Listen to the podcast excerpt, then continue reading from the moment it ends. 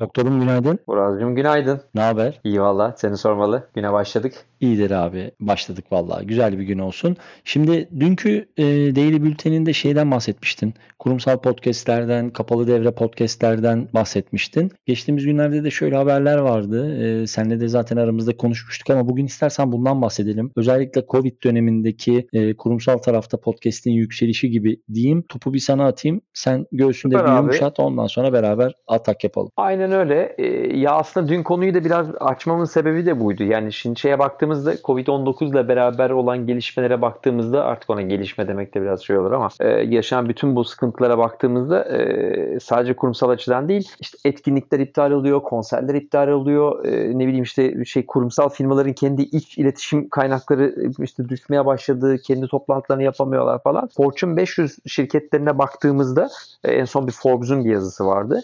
Fortune 500 şirketlerin Amerika'daki e, büyük bir kısmı iç iletişimleri için podcast yayıncılığını, podcastlerini daha doğrusu kapalı devre podcastleri kendi iç iletişim modellerinden biri olarak benimsemiş ve aktif kullanıyor durumdalar gözüküyor. Türkiye için tabi hala tartışılır. Türkiye'de yaptığımız birkaç çalışma var ama onun dışındaki şeylere, markalara baktığımız zaman hala daha e, kapalı devre podcastler iç iletişimlerde, iç eğitimlerde henüz daha çok oturmuş durumda değil. Bir de üzerine Burada şimdi... mesela- Ha, söyle abi. e, sözünü balla keseyim. Şöyle bir ekleme yapayım. E, Yeditepe Üniversitesi'nin podcast organizasyonu da yapıyoruz.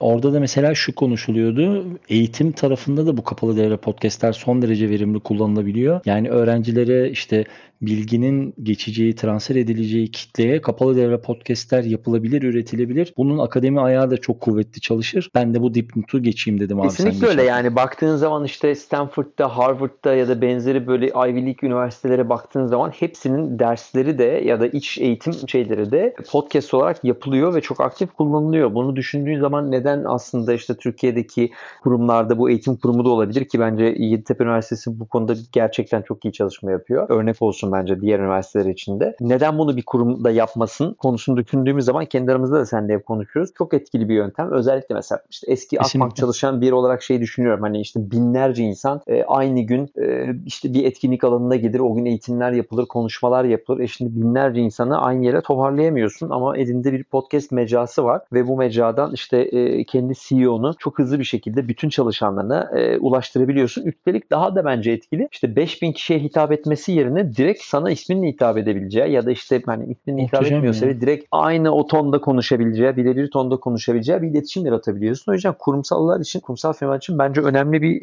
e, şey yatıyor burada. Altın madeni, cevher yatıyor Cid- diye Çok, söyleyebiliriz. çok ciddi bir maden. Bir ara şeyler çok piyasayı hareketlendirmişti. Sen hatırlarsın o dönemde tabii ki bankalar içinde de çok sıklıkla kullanılıyordu. Şirket içi televizyonlar. Aynen Ee, öyle. hani mesela ben Denizbank'ta örneğini hatırlıyorum. Ee, yani böyle eğitimlerin yapıldığı, kurum içi iletişim Doğru, arttırmanın e, yollarının arandığı, işte CEO'nun konuk olduğu, genel müdürün konuk olduğu televizyon programları falan ama yine altını çizdiğimiz buradaki en önemli konu şu maliyetler ve prodüksiyon kolaylığı. Yani hani burada podcast'te gerçekten hiçbir şey yarışamaz. Hiçbir mecra yarışamaz. O yüzden burada da tekrar kurumlara en azından bu madeni bir tık hatırlatmış Ya bir de orada şeyi olarak. ekleyebilirim üstüne. Mesela o, o kurum içi televizyonlarda şöyle bir sıkıntı vardı. Ya orada bir samimiyet yok. Yani bir şey- bir, bir prodüksiyon yapılıyor. Çatır çatır arkada oynuyor. Ne kadar izlemek istiyorsun tartışılır. Zaten çalışan insanlar onu ne kadar izlemek istiyor o da bence problem. Ama mesela şöyle bir örnek düşün. Yani hani şimdi bankanın kendi çalışan kurumlarının ilgilerinin vereceği bir eğitim yerine mesela tamamen örnek veriyorum. Sevgili Sertaç'ın hazırladığı bir yayın olsa ya Sertaç'ı dinlemekten keyif alıyorsun. Neden ben işte